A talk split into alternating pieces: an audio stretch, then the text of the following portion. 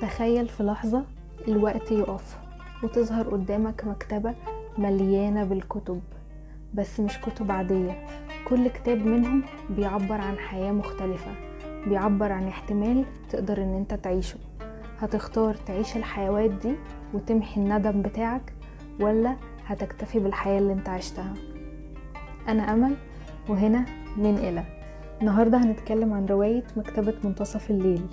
الفيديو ما يعتبرش مراجعة للرواية والنص الأدبي بتاعها لكن هو مشاركة مني ليكم بالتساؤلات الفكرية اللي طرحتها الرواية دي. واللي عن طريقها هشارك معاكم ثلاث تمارين نفسية ممكن نعملهم يساعدونا إن إحنا يبقى عندنا وضوح أكتر في الأفكار بتاعتنا عن الحياة بتاعتنا. بطلة الرواية بتعيش حياة من وجهة نظرها فاشلة.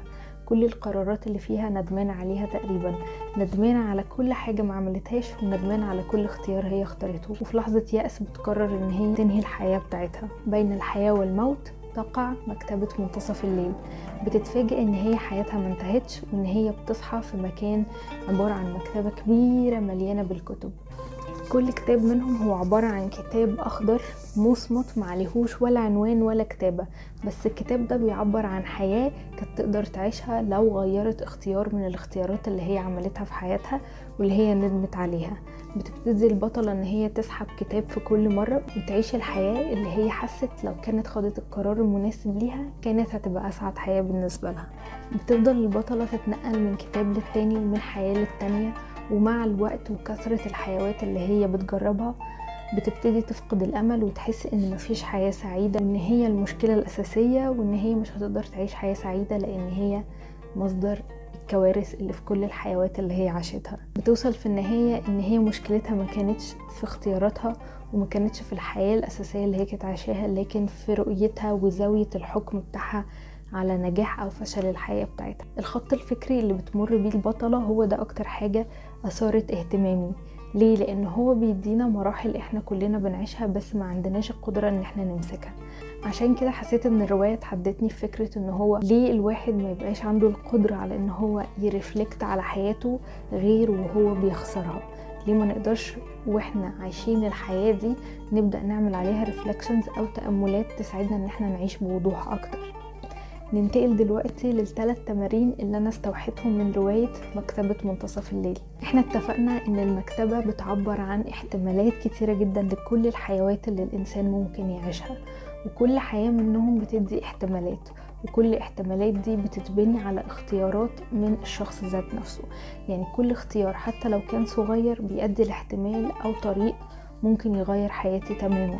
عشان كده البطلة مشيت الطريق بتاعها أوله حسرة متحسرة على كل حاجة هي ما بقيتهاش وأنا هشارك معاكم الحسرات على لسان البطلة. فهي مثلا بتقول لم أصبح سباحة أولمبية لم أصبح عالمة جليد لم أصبح زوجة لم أصبح أم لم أصبح المغنية الأولى لم أنجح في أن أصبح امرأة مفيدة أو سعيدة لم أنجح في الاعتناء بالقط اللي هو القط بتاعها. والآن لم أنجح في الموت. حتى الموت هي معتبرة نفسها هي فشلت في إن هي تأدي المهمة دي. عشان كده التمرين الأولاني هو مستوحى من الحسرات بتاعتنا. هيبقى عندنا ورقة زي دي مكتوب فيها هنا لم أصبح وهنا أصبحت. لأن بالتأكيد طالما في حاجات أنا ما بقيتهاش في حاجات تانية أنا بقيتها. وهنملى هنا الورقة اكتب كل الحاجات اللي أنا ما أصبحتهاش. لم أصبح أم لم أصبح زوجة لم أصبح لاعب كرة لم أصبح لم أصبح لم أصبح. في الناحية التانية هنكتب الحاجات اللي إحنا عارفين إن إحنا وصلنا لها حتى لو كانت حاجات بسيطة.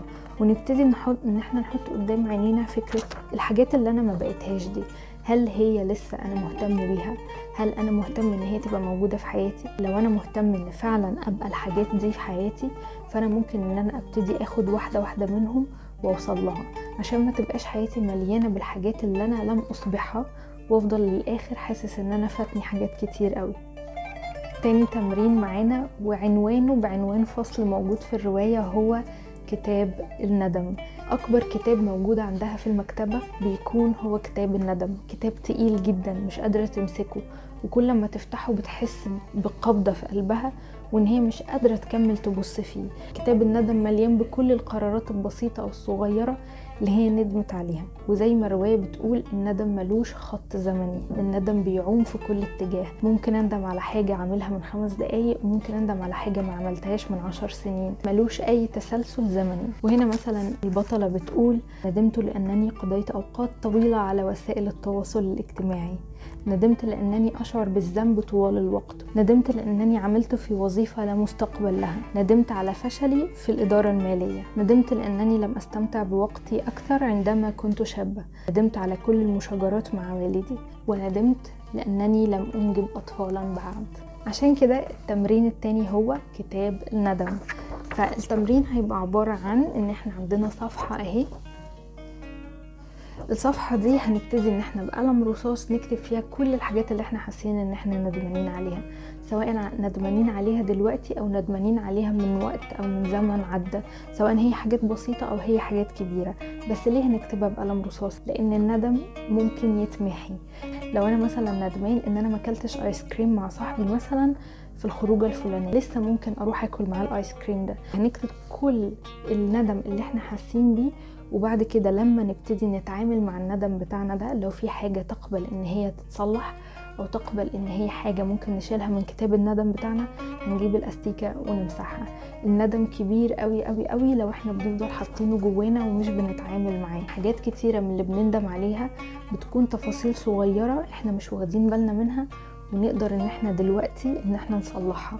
تالت مرحلة وتالت تمرين. هي بعد ما بتجرب كل حياة تقدر إن هي تعيشها عشان ترجع تصلح حاجات من الندم اللي هي كانت بتمر بيها بتكتشف إن هي بتروح تصلح الحاجات اللي ليها علاقة بالأشخاص الآخرين. فأنا ما كنتش عايزة أزعل بابايا فأنا رجعت الحياة علشان أصلحها. أنا حبيبي كان عايز يتجوزني فأنا رجعت صلحت الحياة عشان أتجوزه. أنا أخويا كان مش عارفة إيه فأنا رجعت الحياة علشان أصلح علاقتي بأخويا. وفجأة بتكتشف إن هي كل حياة جديدة قررت إن هي تجربها. هي عبارة عن حلم شخص آخر. وتبتدي البطلة تدرك أنت لست بحاجة لتصريح موافقة لتكوني ربما لا توجد حياة مثالية لها ولكن حياة تستحق العيش. التمرين الثالث هو عبارة عن إن أنا هبتدي أفرق بين كل حلم حياة أنا نفسي أعيشه وبين كل الحيوات اللي أنا بعيشها لأشخاص آخرين. وهنا في ثلاث طبقات ممكن آخد بالي منهم. إن هو الحاجة اللي أنا بعيشها دي هي ممكن تكون حلم شخص تاني. ممكن يكون انتمائي لكلية معينة إن أنا أدخلها ده حلم بابايا أو أمي. ممكن يكون إن أنا أكون مع شلة أصحاب معينة ده ده حلم صديقي مش حلمي أنا. الطبقة التانية هي رأي شخص آخر. إن أنا أكون ماشي في الدنيا دي بعمل أفعال وردود أفعال مبنية على آراء أشخاص آخرين. والطبقة الثالثة هي صوت شخص آخر. ساعات كتير وإحنا بنتكلم مع نفسنا ما بنبقاش عارفين نفرق جوانا. هو الصوت اللي أنا سامعه ده صوتي أنا حقيقي وده رأيي أنا الحقيقي ولا ده رأي الأشخاص التانيين وصوت الأشخاص التانيين؟ التمرين عبارة عن إن أنت هتكتب كل الحاجات اللي أنت عملتها في حياتك حاسس إن هي كانت هدفها إن هي ترضي أشخاص آخرين إن هو كان حلم شخص تاني إن أنا أشتغل الوظيفة الفلانية كان حلم شخص تاني إن أنا أتجوز في الوقت الفلاني علشان أجيب الأحفاد كان حلم شخص تاني إن أنا أدخل الجامعة الفلانية أو الكلية الفلانية. نكتب كل الحاجات اللي إحنا حسينا إن إحنا عملناها لمجرد إنها حلم الناس اللي حوالينا. على طول أوتوماتيك أول ما أنا هكتب الحاجات دي هيبتدي يطلع لي حلمي الشخصي أنا إيه. التمرين بتاع صوت شخص تاني أو رأي شخص تاني ده ممكن أعمله على حاجات تكون أصغر ومواقف تكون أصغر. لو أنا بمر بمرحلة اختيار معينة ومحتار مثلا فأنا ممكن إن أنا أجيب ورقة وقلم وأكتب رأيي أنا ورأي الناس اللي حواليا اللي بتأثر على ده. وبعدين أكتب صوتي أنا بيقول إيه وصوت الناس اللي حواليا بيقول إيه. صوتي أنا بيقول إن أنت تروح السفرية دي. صوت الناس اللي حواليا بيقول إن ده ريسك كبير وإن دي حاجة ممكن تخسر فيها وحاجة ما تنجحش قدام. بس انت هتفرق بين صوتك وصوت الناس اللي حواليك وهتعرف تحكم بنفسك إيه اللي يمشي معاك. في النهاية بتوصل البطلة لأن الكتاب الأساسي بتاعها هو كتاب حياتها الأساسية اللي هي كانت عايشة فيه وإن الصفحات اللي جاية فيه لسه فاضية تقدر إن هي تملاها وتقدر إن هي تعيشها بالمنطق والرؤية والآراء وصوتها هي الشخصي.